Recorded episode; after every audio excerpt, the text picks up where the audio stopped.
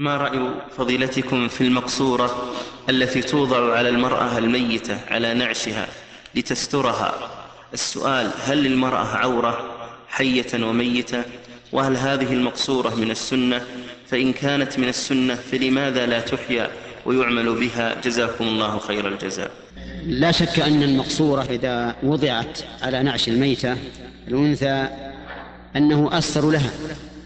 لأنه أحيانا تقدم جنائز من النساء يشاهد الإنسان حجم الميتة تماما ويتبين بذلك مقاطع جسمها وهذا أمر لا يرغب فيه في الحقيقة وما يوجد في الحجاز ولا سيما في مكة من وضع المكبة هذه التي تكون على النعش لا شك أنه أثر وأبعد عن رؤية الميتة.